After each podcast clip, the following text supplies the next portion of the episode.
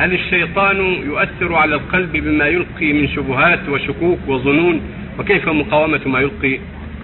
لا شك أن الشيطان له آثار له تأثير عظيم في القلوب والأعمال.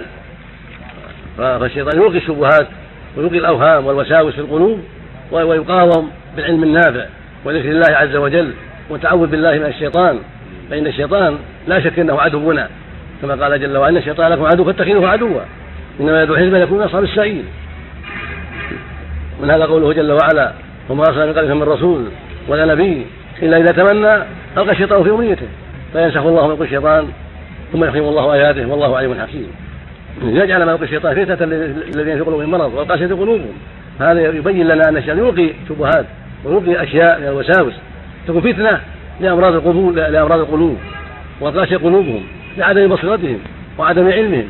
أما أرباب البصائر فإنها فإن ما عندهم من العلم والنور يحرق تلك الشهوات تلك الشبهات ويقضي على تلك الوساوس ويزيلها بالكلية لما عند صاحبها عند صاحب القلب الطيب النير من الهدى والبصيرة. لكن القاسية قلوبهم والمرضى قلوبهم قد يشتبه عليهم ما يلقيه الشيطان وقد يبقى عندهم في قلوبهم من, من ذلك وساوس وعقد وقد يضرهم وقد يضلهم عن الهدى وقد يقودهم إلى أسباب الهلاك لمرض قلوبهم وقسوة قلوبهم وقلة علمهم. نعم. فالطريق في ذلك يضرع إلى الله ويسأله العافية ويتعوذ بالله من الشيطان ويكثر من ذكر الله عز وجل ومن طاعته سبحانه والبعد عن معاصيه هذا هو العلاج لما يلقيه الشيطان من الوساوس والشرور.